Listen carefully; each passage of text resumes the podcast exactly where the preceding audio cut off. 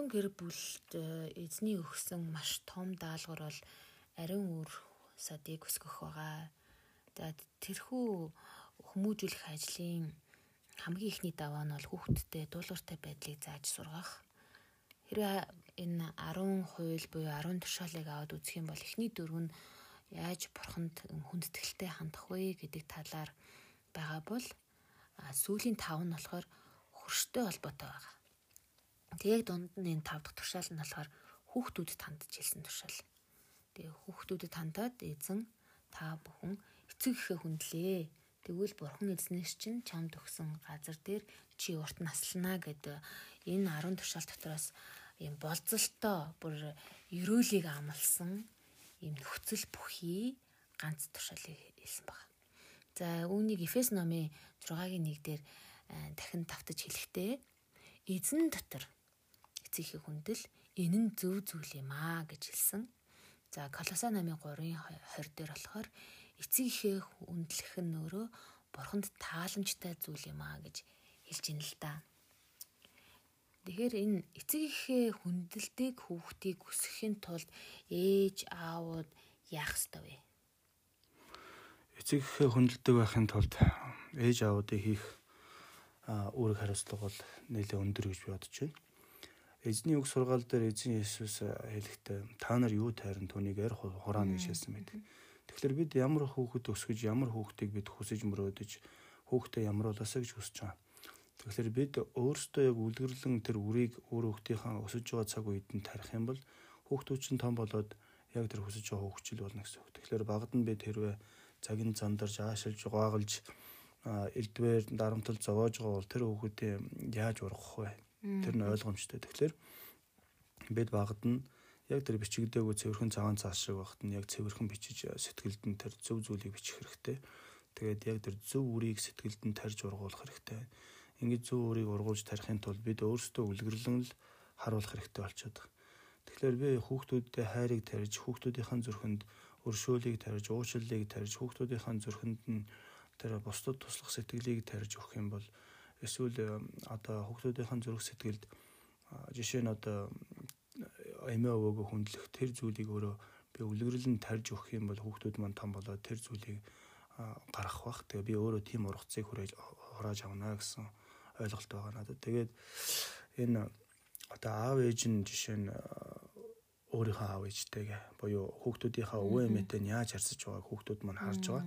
Тэгэхээр би өөрийнхөө аав ээжтэй хүндэтгэлтэй харьцаж байна уу гэдэг асуудал. Тэгэхээр хэрэв хүүхдүүд Э, өөрийнх нь аав ээж тэр эмээ өвөтэй маш хүндэтгэлтэй харьцаж байвал хүүхдүүд бас л эцэгхээ дуунаа гэсэн үг. Тэгээд э, эцэг ихээ эцэг их нь өөрөө хүүхдээ чи одоо эцэг ихтэй хүндэтгэлтэй хандах хэвээр бурхан чамайг ээж аавыгаа хүндэл гэж хэлсэн гэд шахаад иж болохгүй. Яг бурхан тэгж хэлсэн. Тэгвэл би өөрөө эргээд хүүхдээ яаж хүндэлж байгаа вэ гэдгийг бодох хэрэгтэй. Яг шинэ гэрэн дээр бас өөр газар юу гэж хэлсэн гэхэлэр бүх хүнтэй эвтэйвэ та нараас шалтгаалж байгаа бол бас бүх хүнийг хүндэл гэж хэлсэн үг байдаг. Тэгэхээр бүх хүнийг хүндэл гэж хэлсэн шинэ гэрээнд хэлэхдээ тэнд нас заагаагүй, нийгмийн анги давхарга заагаагүй. Тийм болохоор бид өөрсдийнхөө хүүхдүүдийг хичнээн баг болчирч гэлээ гэсэн тэр бол бүхэл бүтэн одоо ертөнц энэ дэлхий дээр ингээд бий болцсон явж байгаа, амь амьсгал явж байгаа.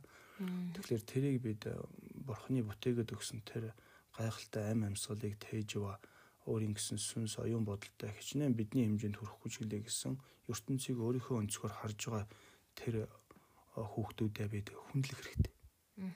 Тэгээд хэрвээ өөрсдийг хүндлэх юм бол тэдүс чинь эргээд эцэг ихээ хүндлэхэд бас суралцаад нэгэсэндээ бид хүндлэлийг хүүхдүүдтэй тарихлаар хүүхдүүд эргүүлээд бидэнд тэр хүндлэлийг ургуулж гаргаж ирнэ л гэж хэлэх гээд байгаа юм л та. Тэгээд үр хүүхдээ хүндэтгэлтэй хандаж хэрвээ хүүхдээ хэлсдүүлж андуурч загинсан зэмлсэн шидэгдсэн сахилгажуулсан байгаа бол тэрнээс яг хүүхдээ хүндлээд хүүхдээ дуудаж авчирч байгаад аавыгаа уучлаарай ээжийг уучлаарай аав нь буруу юм хийчихээ чамайг буруу хэтрүүлчихээ эсвэл аав нь чамайг андуураад хэлсдүүлчихээ гэд ингээд хүндэтгэлтэйгээр уучлах гуйж эцэг их гэх юм бол хүүхдүүд бас эргээд эцэг ихээ хүндлэх эцэг их маань бас одоо ямар зүйл үлгэрлэн харуулж байгааг нь хараад эргэж дагаж хийх тэр хүүхдүүд ч гэсэн эргээд эцэгээсээ уушлах үүдэг болох болох тийм юм сурнаа л гэж бодож байна.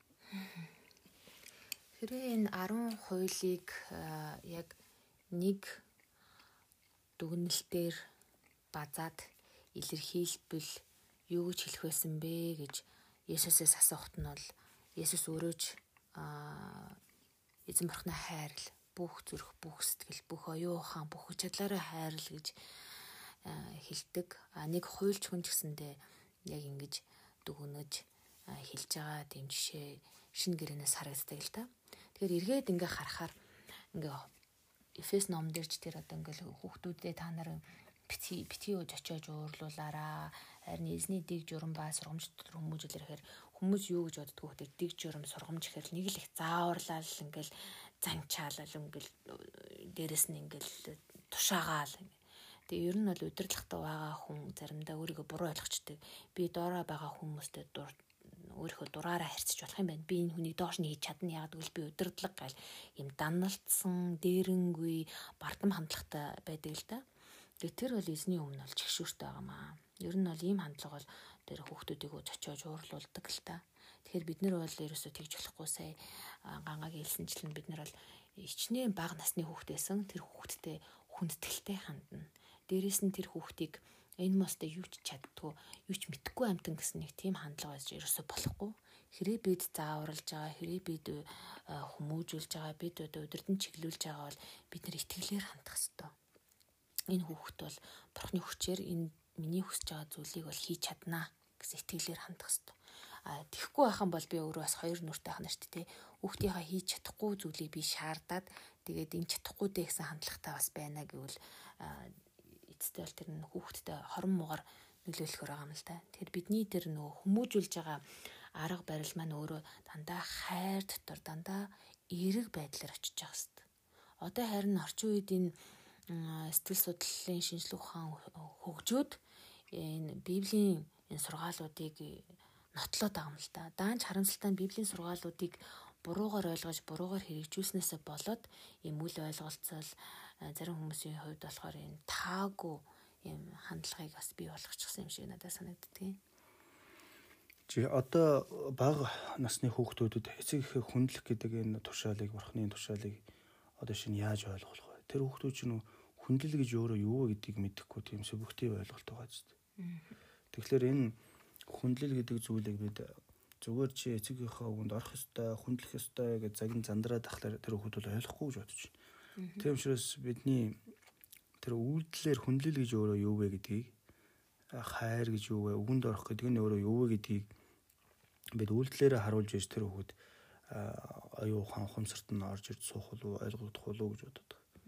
Тэгэхээр бидний үйл маш чухал. Тэгэхээр хүүхдээ одоо ямар ч болцлгүйгээр чин сэтгэлээсээ хайрлж иж бид эргүүлээд нөгөө хүүхдээсээ ижил төстэй зүйлийг харж хүлээж авна. Нөгөө талаасаа хүүхдээ буруу мэж яхад нь өөхшүүлж огт болохгүй. Эцэг их бол яг шудрах ёс гэж юу вэ гэдэг гэр орондоо л зааж сургана. А энэ зүйл бол яг хүүхэд хүмүүжүүлж байгаа үйлсд оролцож байгаа бүх хүнд маш их хамаатай. Одоо энэ хүүхдийн цуглаанд үйлчилж байгаа багш нар маань өөртөө яг шудрах ёс гэж юу юм тухайн нөхцөл байдалд яг шударгаар шүүхийн тулд яах ёстой юм хүүхдтэй яаж хандах ёстой гэдгийг бүрэн ойлгоогүй бол бас худлаа олчод байна л та шудраг өсөн дээр яриад ирэнгүүт бид хүүхдүүдэд шудраг хандах хэрэгтэй болчтой.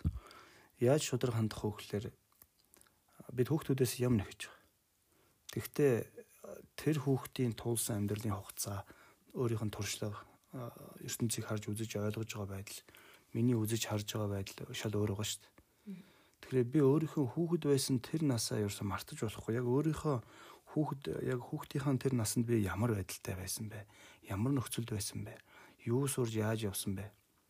За тэгэнгүүтээ оо би чиний насан дээр ингэж ингэж тэгж явсан гэд бас хүүхдээ ингээл харьцуулаад харьцуулаад шахаж шаардаад байж бас болохгүй.